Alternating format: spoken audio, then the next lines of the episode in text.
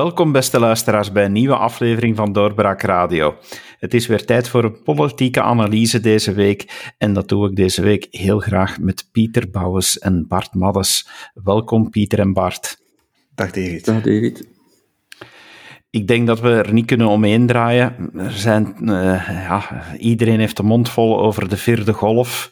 Uh, discussie of er nu inderdaad een golf is of niet. Maar als politieke analyse uh, kunnen we toch wel eens even kijken naar de maatregelen die net genomen zijn door de federale overheid. Want dat lijkt toch wel op een strijd uit te draaien of uitgedraaid te zijn tussen het federale en het Vlaamse niveau. Ik weet niet, Pieter, had jij verwacht dat er, dat er een clash ging komen tussen die twee niveaus? Ja, die clash is al heel lang bezig. Hè.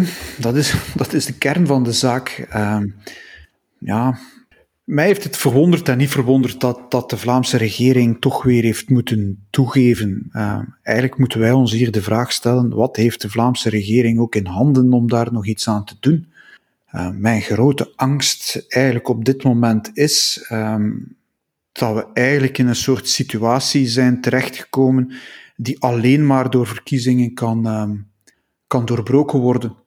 En dat we elke winter opnieuw in diezelfde angstpsychose gaan terechtkomen van er zijn zoveel zieken en er zoveel mensen in het ziekenhuis en zoveel besmettingen en we moeten een mondmasker dragen en we moeten een covid-safe ticket voorleggen en, en binnenkort gaan ze misschien toestellen dat we, dat we eerst moeten inademen voor we ergens binnenkomen om te testen wat er allemaal in zit. Allee, enfin, uh, waar, waar gaan we naartoe? En ik wens in zo'n maatschappij niet, niet, niet groot te worden, maar ja, de vraag is dan, wat zal 2024 geven?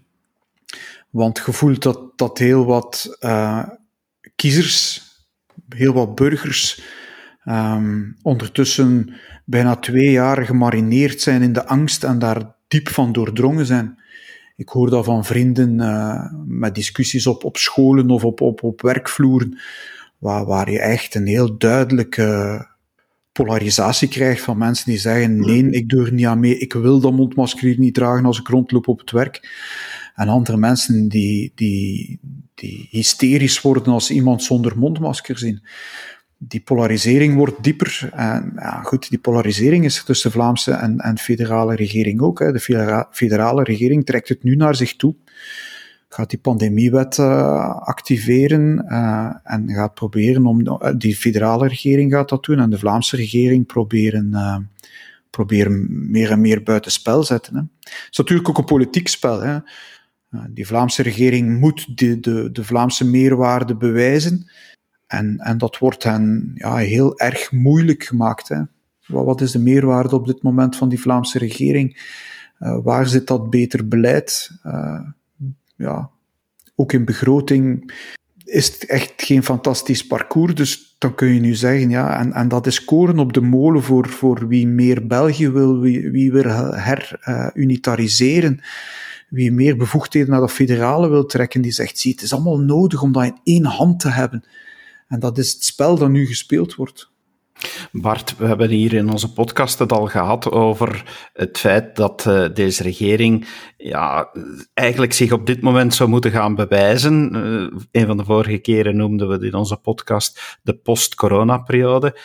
Dat bewijzen lukt niet, hebben we ook al besproken keren ze dan nu maar noodgedwongen terug naar al die maatregelen? Of zijn ze gewoonweg eh, verslaafd geraakt aan, aan zulke controlemaatschappij volgens jou? Ja, in elk geval denk ik uh, dat, dat mensen als Alexander de Croo en Frank van den Broeke al, al wekenlang kaarsjes branden en bidden, laat alsjeblieft die vierde golf zo snel mogelijk um, beginnen. Dan kunnen we opnieuw de, de, de aandacht afleiden van die, van die ramp die de, die de Vivaldi-regering uh, ook is en, en ook nog meer geworden is tijdens de laatste twee weken. Want vergeet niet, hè, mm -hmm. sinds de, de, de, beleidsverklaring van De Croo is er wel het een en het ander gebeurd. Hè. Dus heel dat kaartenhuisje van zijn beleidsverklaring is eigenlijk de voorbije weken in elkaar gestort. Hè.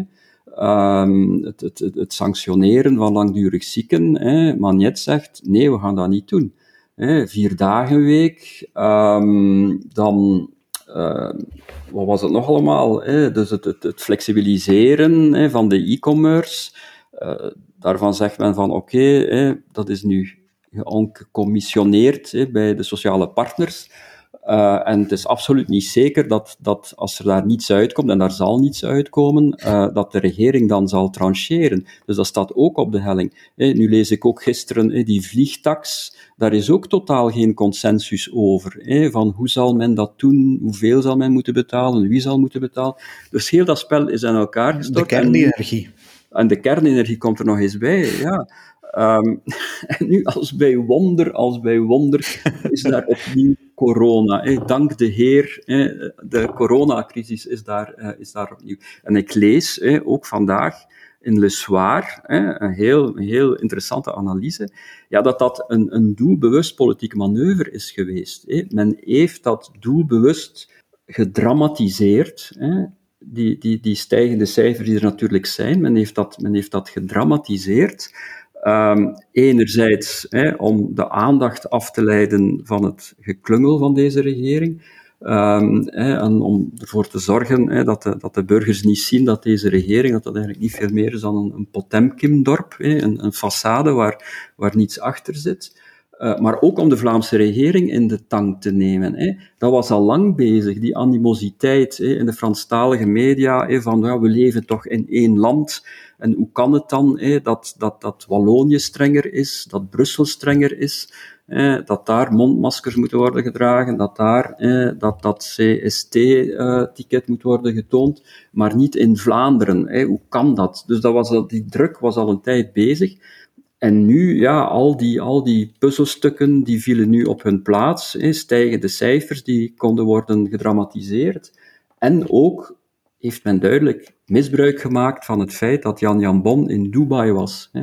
Um, het is duidelijk dat de Vlaamse regering dat niet heeft voelen aankomen. De Vlaamse regering is in snelheid gepakt, is voor voldongen feiten gesta, uh, geplaatst. Um, Hilde Krevits was ook, was ook niet aanwezig, was in, was in Denemarken. Ja. Um, dus de Vlaamse regering zat daar heel moeilijk. Hè. En dan heeft men gezegd van, nu is het moment, nu gaan we ze pakken. Dat is wat dat gebeurd is. Het is eigenlijk bijna een coup, een coup van uh, de federale regering. Um, en om in feite Vlaanderen opnieuw in de pas te doen lopen. Hè. Natuurlijk, allee, dat was uh, het discours van, van de Vlaamse regering en van Jan Jan Bon. Wij hebben het veel beter gedaan qua vaccinaties. Dus is het ook normaal dat de coronaregels minder streng worden of mhm. zijn in Vlaanderen in vergelijking met Wallonië en vooral in vergelijking met, met, met Brussel. Terwijl nu, ja, wat men gisteren heeft beslist, hè, is eigenlijk gewoon dat het in Vlaanderen strenger wordt. Hè. In, in, in Brussel en Wallonië verandert er eigenlijk niets. Hè. Het is gewoon het, de strengere regels die er gekomen zijn uh, in de regio's waar de vaccinatiegraad minder is, die worden nu ook uh, uitgerold in Vlaanderen. Hè. Dus Vlaanderen wordt eigenlijk ingelijfd in dat Belgische systeem. Hè. Je moet maar eens nagaan hoeveel men, men gisteren op die persconferentie gesproken heeft over ons land, ons land, dezelfde regering in ons land en het virus stopt niet aan de taalgrens en, en, en dat soort van, van gemeenplaatsen. Dus Vlaanderen is nu ingelijfd in België, nota bene, door, een, door een Belgische regering die in Vlaanderen al eens geen meerderheid heeft. Hè. Het zijn de Franstaligen, het is die dominant zijn in deze regering, die dat nu eigenlijk opleggen aan Vlaanderen. De Vlaamse regering is eigenlijk zelfs vernederd, David. Ik bedoel, twee dagen geleden roept de minister van Binnenlands Bestuur, Bart Somers, de burgemeester van Vilvoorde, Hans Bonte, terug, omdat Hans Bonte zegt, ik ga uh, covid-tickets, safe-tickets invoeren in mijn gemeente. En een dag later komt de Vlaamse, uh, komt de federale regering zeggen, uh, ja, Hans Bonte wordt niet alleen verboden om dat in te voeren, hij wordt nu verplicht om die in te voeren. Doen één dag later een andere regering, alsof de federale regering boven de Vlaamse regering staat en dat zomaar in één keer kan opdringen. En dat is nu het beeld dat, dat, gevormd wordt. En ik denk dat de schade die één, de Vlaamse regering, maar ook de NVA, die zich echt heel hard had uitgesproken tegen die maatregelen, dat de schade die daar berokkend wordt aan, aan die regering en aan de NVA, dat, dat dat een mooi meegenomen mee-effect is. Als het niet de bedoeling is. Maar men voert nu al die maatregelen terug in, zoals jullie zeggen, in Vlaanderen, ja, waar toch de hoogste vaccinatiegraad is. Mm is daar nu nog wel een draagvlak voor? Is dat ook ja, verantwoord uh, vanuit burgerzin uh, dat, men, dat men aanvaardt dat er terug zoveel beperkingen opkomen? Blijkbaar, in, in de wedstrijd wordt altijd veel gepeild. En ik hoor hier en daar dat, dat er in, in peilingen zou blijken dat dat nog altijd draagvlak heeft, maar dat dat afkalft. Ik heb die peilingen zelf niet gezien, helaas. Um, maar het zou mij niet verwonderen. Maar ik heb daarnet al gezegd, mijn aanvoelen is dat er een enorme polarisatie in de maatschappij is. Dat je inderdaad mensen ziet die het niet meer aanvaarden. En dat je daarna mensen ziet die heel erg bang zijn. Mm. En, die stem van mensen die het niet aanvaarden, ja, die wordt eigenlijk nauwelijks gehoord in de, in de mainstream. Nee, en die argumenten van die mensen worden ook niet opgepikt. Hè? Want dat, dat, dat, vind ik eigenlijk het strafst van al. Hè. Al, die, al die politici, al die journalisten die altijd de mond vol hebben over inclusiviteit, hè, over non-discriminatie, die stemmen nu eigenlijk zonder boe of ba en met, met groot enthousiasme in met dat uh, COVID-safe-ticket. Um, dus journalisten die ongetwijfeld in hun jonge jaren nog uh, betoogd hebben tegen de apartheid in Zuid-Afrika, en terecht, hè, en terecht, uh, die hebben nu geen enkele moeite om eigenlijk een, een nieuw apartheidsregime te installeren. Hè. En de bordjes, hè, interdit au nord africain, hè, die worden nu vervangen door de bordjes uh, interdit au vacciné. En, en men vindt dat normaal. Hè? Dus waar is het ethische kompas bij die, bij die mensen. Dat men dat eigenlijk normaal vindt, dat men discrimineert tussen gevaccineerden en niet-gevaccineerden, die eigenlijk enkel maar gebruik maken van hun recht om zich niet te laten vaccineren. Dat is dus een, een, een recht. En we hebben dit hier vroeger ook al gezegd. Ik, ik, ik vind het dom hè, dat mensen zich niet laten vaccineren. Ik ben absoluut een voorstander van vaccinatie. Ik probeer daar mensen ook zoveel mogelijk van te overtuigen. Maar ja, in mijn kennissenkring zijn er verschillende mensen die om allerlei redenen die ik respecteer, die zich niet willen laten vaccineren. En voortaan is het dus zo, als je wil op restaurant gaan, als je wil uh, ergens naartoe gaan, ja, dan, dan moet je eigenlijk tegen die mensen zeggen van, ja, jullie, jullie mogen niet mee, hè? jullie moeten buiten blijven staan, uh, want jullie zijn stout, hè? Uh, jullie zijn slechte mensen, jullie hebben je niet laten vaccineren. Um, het is, alleen stel je even voor dat, dat men zou zeggen van, kijk, dronken chauffeurs, hè, we gaan die voortaan op een andere manier straffen. Hè, we gaan voortaan zeggen, dronken chauffeurs, um, die gaan we de toegang ontzeggen tot, tot cafés, tot de horeca. dus iedereen moet een pasje voorleggen voortaan, om aan te tonen dat hij nog niet betrapt is, uh, dronken aan het stuur. Mhm. Niemand zou dat aanvaarden. Hè? Niemand zou dat, er zou een storm van verontwaardiging opgaan. En terecht.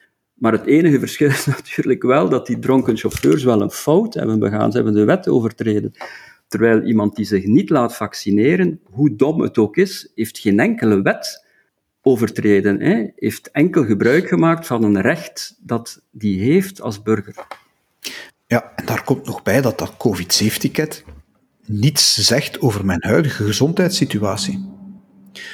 Als ik vandaag mij grieperig voel en ik denk, uh, de overheid kan mij wat en de samenleving kan mij wat, uh, ik heb mij laten vaccineren en ik ben bedrogen, ik laat mij niet testen, ik pak een uh, twee dafalgannetjes en ik ga vrolijk buiten en ik kan overal binnen met mijn uh, COVID-safe ticket. Dus die invoering van, die, van dat COVID-safe-ticket is inderdaad een, een, een uitzonderingsmaatregel die volgens mij op dit moment helemaal niet proportioneel is en dus niet zomaar mag ingevoerd worden, die een, een, een inperking is van onze vrijheid, die een uitzonderingsmaatregel zou moeten zijn en die compleet genormaliseerd wordt, dat, dat is al een probleem. Twee, het helpt ook helemaal niet. Dus vraag ik mij eigenlijk af, waar, waar zijn wij eigenlijk mee bezig? Ik heb van de week tegen iemand gezegd, of op Twitter zelfs, denk ik, eh, het is een soort uh, een reliquie, hè? of een schapulier. Hè? Je hangt het rond je nek en het zal u behoeden tegen elk gevaar. Maar dat is het niet. Hè? Het is een, een, schijn, een schijnmethode om, om de angst toch een beetje onder controle te houden. Maar ja, Pieter, je zegt van waar zijn ze mee bezig? Maar het is vrij duidelijk waar ze mee bezig zijn. Hè. Het is gewoon een pestmaatregel. Het is eigenlijk een, een achterbakse manier uh, om ervoor te zorgen dat, dat, de, dat de niet-gevaccineerden zich, zich toch laten vaccineren. Ja, dat, maar dat wordt ook openlijk gezegd, hè? Ja, dat wordt openlijk gezegd, maar tegelijkertijd, en, en daar hebben we natuurlijk gelijk, tegelijkertijd ja, noemt men dat dan wel het COVID-safe ticket. Hè? En dat dan moet zorgen voor, voor veiligheid en zekerheid. Ik heb het minister Verlinden vanmorgen nog horen zeggen op de radio. Maar sorry, maar zelden, zelden werden de burgers in dit land op zo'n systematische manier voorgelogen en op het verkeerde been gezet door de overheid. Hè? De virologen zeggen het in koor, dat is helemaal niet zo. Dat dat COVID-safe ticket voor, voor veiligheid zorgt. Hè. Het tegendeel is waar. Want dan zie je op tv beelden, wanneer was het denk ik vorige week, de dag van de jeugdbeweging, van jongeren die, die feesten als de beesten, bij wijze van spreken. En dan komt dan achteraf zo'n geruststellende verklaring van, ah ja, maar iedereen moest een COVID-safe ticket uh, voorleggen. Dus er was totaal niets aan de hand, alles was heel veilig. Dat is echt de mensen, de mensen voorliegen.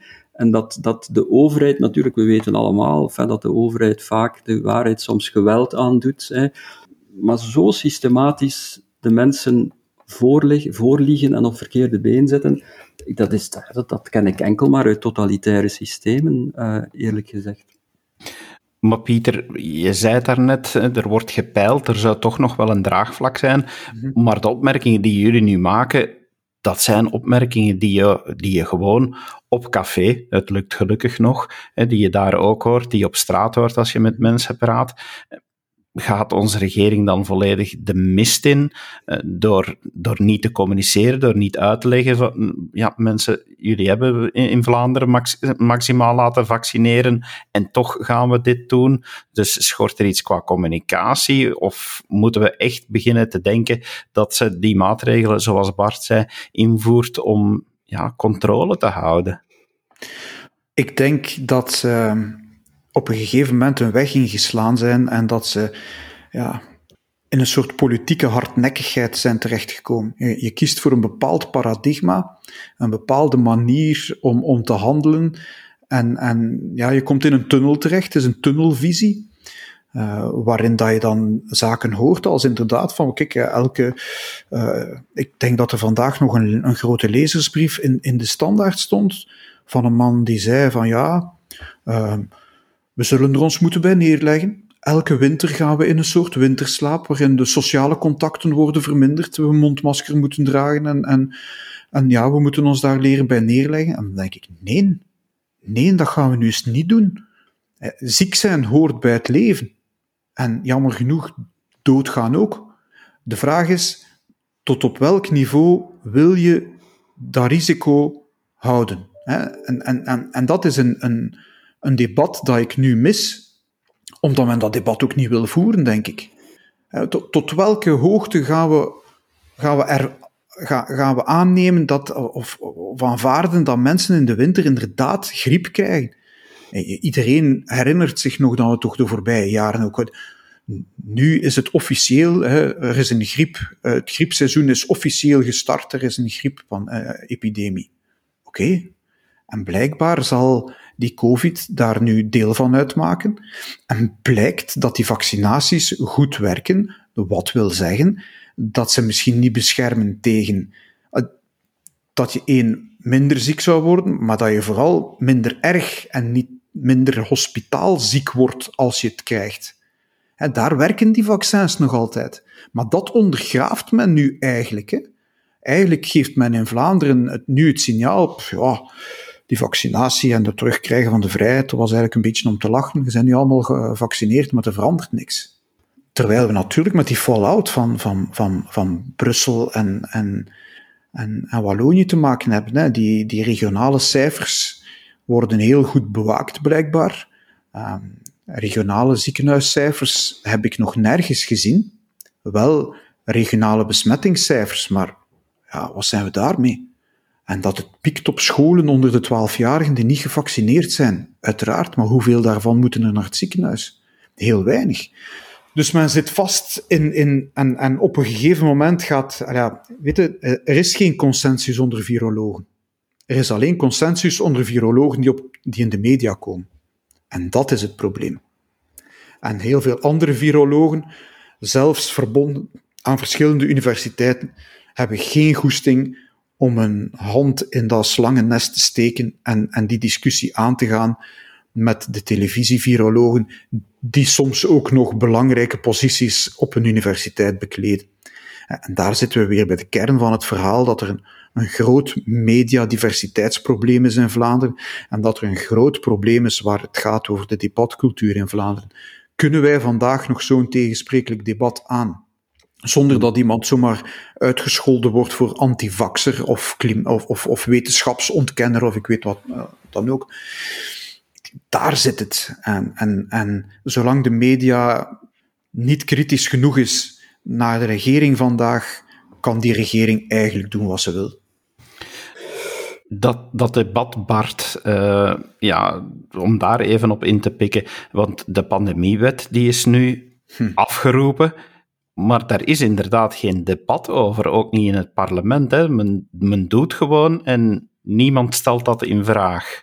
Mm, maar dat debat zal er komen, blijkbaar. Hè. Dus, het, um, dus dat moet dan worden officieel goedgekeurd, die, die inroeping van, wat noemt men het nu, de pandemie, de, situa de noodsituatie of, of, of, of zoiets. Men heeft, het is geen noodtoestand, is iets anders. Um, maar ondertussen zijn natuurlijk al die maatregelen al genomen uh, op basis van, zoals Pieter zei, ja, eigenlijk dubieuze gegevens. Wat, wat, er eigenlijk gebeurt, momenteel is het niet zo dat de, dat de, dat de, dat de ziekenhuizen overbelast zijn, zeker niet in, in, in Vlaanderen. Hè. Het is niet zo dat we, bij wijze van spreken, op straat over de lijken struikelen. Uh, dus momenteel is het eigenlijk een, een beperkt probleem, maar wat men natuurlijk doet, men baseert zich dan op, op, op, op, op statistische extrapolaties hè, en worst-case scenario's van als het zo zou zijn hè, dat dat aantal besmettingen exponentieel zal beginnen stijgen, hè, dan zal er een moment komen ja, dat het wel problematisch wordt voor de ziekenhuizen. Um, en dan moeten we ten allen prijze vermijden. En daarom moeten we nu draconische maatregelen nemen. Dat is, dat is de redenering van een aantal virologen, waarin dan de politici worden meegezogen en die, zoals we daar straks al zeiden, ook door de politici worden geïnstrumentaliseerd, hè, omdat het past in het kraam van de politici, omdat nou ja, dat past in, een, in het kraam van een bepaald machtsspel. Maar het is ook zo, ja, het, het past allemaal. Als, als je nu ziet, men wist dat die golf zou komen. En men wist dat er in de winter opnieuw een opstoot, opstoot zou komen. Ik lees vandaag dat zelfs volgens de meest dramatische voorspellingen in Vlaanderen er eigenlijk geen overmatige druk op de ziekenhuizen zou komen. Twee. Het is de tweede, de derde winter dat we zoiets meemaken. Als je weet dat er een griepseizoen komt, dat dat extra druk geeft op ziekenhuizen en dat dat griepseizoen verzwaard wordt door de COVID, oké, Waarom wordt er dan niet ingegrepen vanuit de regering om te zorgen dat onze ziekenhuizen zo'n extra druk kunnen opvangen? Waarom wordt er geen extra opvangcapaciteit voorzien in plaats van die ziekenhuizen als opvang te laten doen de reguliere zorg te verminderen? Waarom wordt dat niet gedaan? Ik denk dat dat eigenlijk heel simpel is. Daar is geen geld voor. En waarom is daar geen geld voor? Omdat dit land al jaren, decennia, slecht bestuurd wordt en geen geld heeft voor zo'n ding. Dus we betalen hier eigenlijk de prijs voor het uh, decennia lang slecht bestuur, voor het niet op orde houden van de begroting, voor het laten ontsporen van de staatsschuld.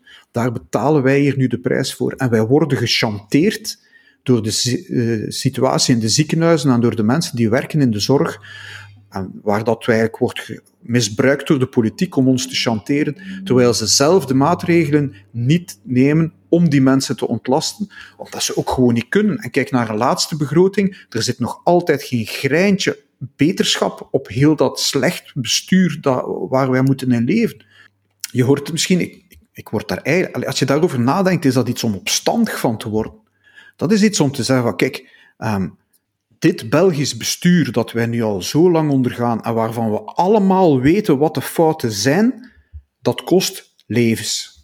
En dat kost um, mensen burn-outs die in ziekenhuis werken. Want ik, ik geloof dat ook, hè, dat, dat dat hard werken is daar voor die mensen. Maar wij worden misbruikt.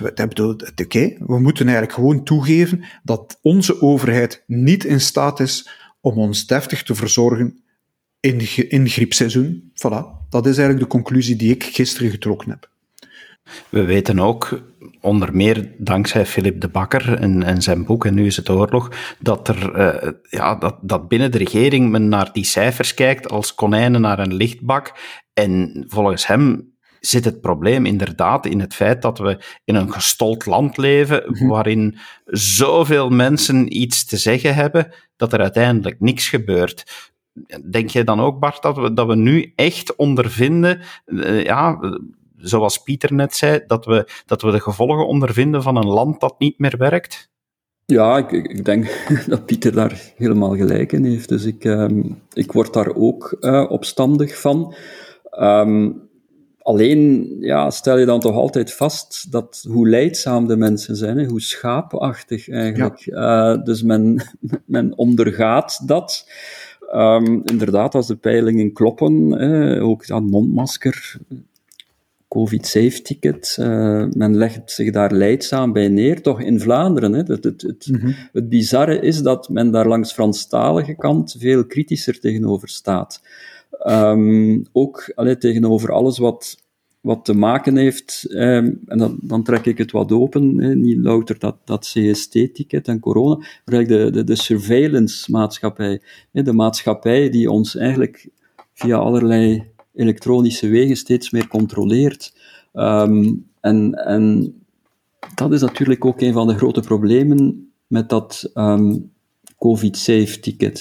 Dus uh, persoonlijk, ook vanuit een vorm van opstandigheid eigenlijk, um, weiger ik mij te onderwerpen aan die procedure. Dus ik, ik boycott plaatsen waar dat uh, COVID-safe-ticket wordt gevraagd. Hè. Dus mij zul je de komende maanden niet aantreffen um, in een, in een restaurant. Um, eigenlijk uit, uit solidariteit met de niet-gevaccineerden. Een beetje hè, zoals, zoals uh, John Kennedy ook zei, uh, ooit zei, ik ben een Berliner. We zijn allemaal vandaag niet-gevaccineerden. We moeten solidair zijn met, um, met de niet-gevaccineerden. Maar er is ook nog een andere reden hè, waarom ik mij niet aan die, aan die procedure wil onderwerpen. Hè. En, en dat heeft te maken met die, die surveillance-maatschappij. Um, dat is onderzocht, dat in, de, in de Vlaamse pers opnieuw hebben we daar niet veel over gelezen. Hè. Dus de Franstalige pers die daar veel tamtam -tam, uh, rond heeft gemaakt. Dus daar zit een, belangrijk datalek in, die, in heel die uh, COVID-safe-procedure. En vooral dus in die, in die, die app die men gebruikt om eigenlijk dat, dat ticket te scannen. Hè? Dus dat is COVID-scan heet dat. Hè? Nu, nu, nu, nu praat ik over iets waar ik eigenlijk weinig verstand van heb, dus ik zeg gewoon wat ik daar lees, over lees in de krant. Hè?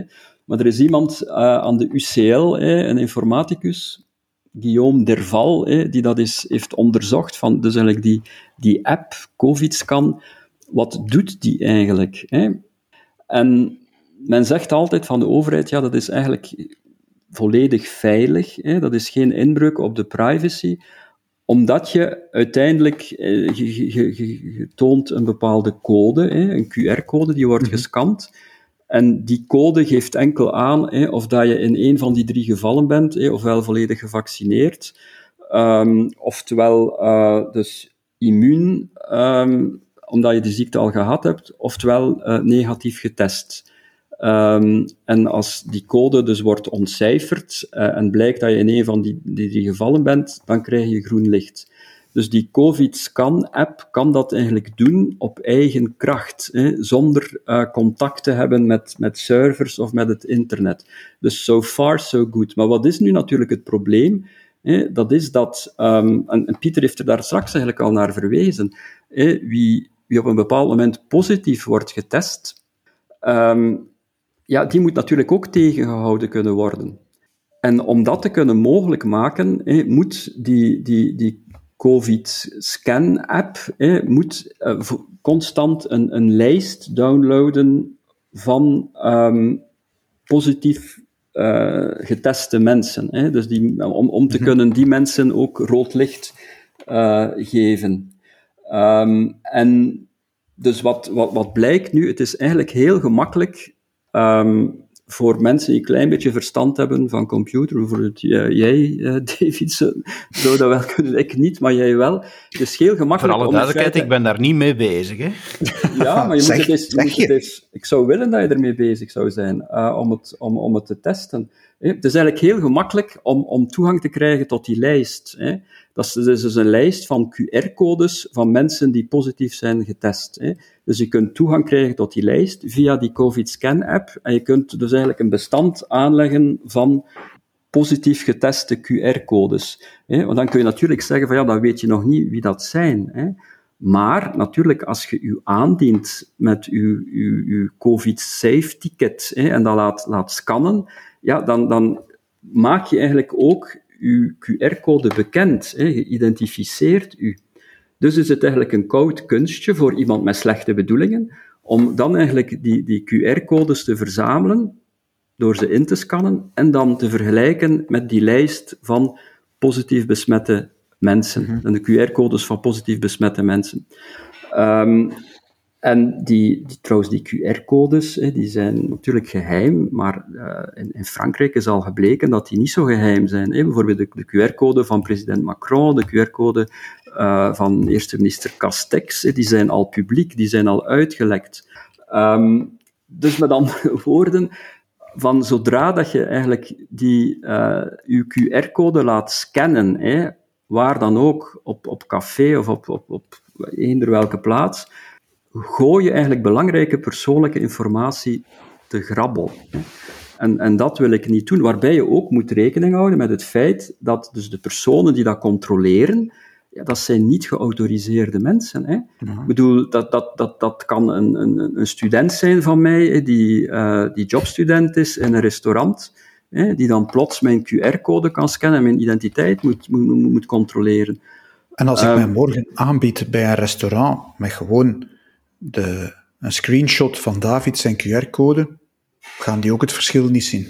Jawel, want ik heb al op plaatsen geweest waar men dan uh, ook inderdaad, zoals Bart zegt, uh, niet geautoriseerde personen zeggen van oké, okay, ik zie nu dat David Geens, uh, dat die veilig is, maar ben jij wel David Geens? toon je paspoort, toon je rijbewijs. Dus, uh, dus qua... dat is zelfs nog vergaander. Ja, maar dat is ook... Dat is ook een horecapersoneel heeft eigenlijk helemaal niet de bevoegdheid om mijn identiteitskaart nee, te vragen. Nee. Maar trouwens, het gaat ook... Waar gaan we naartoe? Het gaat ook niet per se om horecapersoneel. Eender ja, ja. Ik bedoel, vroeger, als je niet kon betalen in een restaurant, moest je de afwas doen. Ja, vandaag kan men zeggen, als je niet kunt betalen, sta maar een paar uur aan de ingang QR-codes te scannen. Dus eender wie, eender wie kan die QR-codes scannen. Dus dat, als je daarover nadenkt, is dat eigenlijk is dat echt hallucinant. Hè? Ik, ik, ik begrijp echt niet hoe, hoe mensen zich, zich willen onderwerpen uh, aan die vernederende procedure. Ik, ik begrijp dat echt niet. Hè? En misschien, ja, zoals Pieter zei, heeft het te maken met die cultuur van de angst, hè?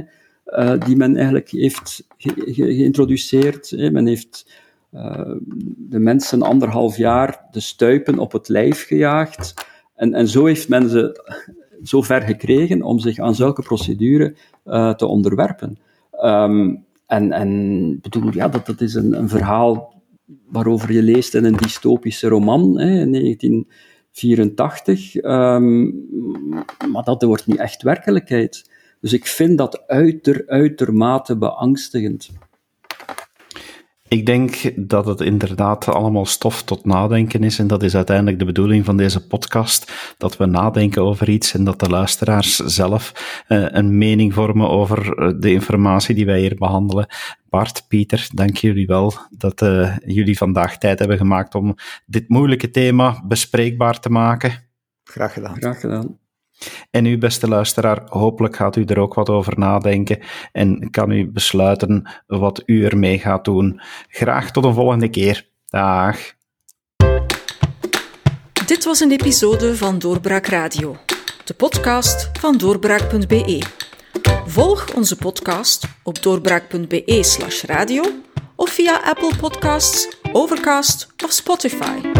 Bezoek ook onze website op doorbraak.be en steun ons door een vriend te worden van Doorbraak.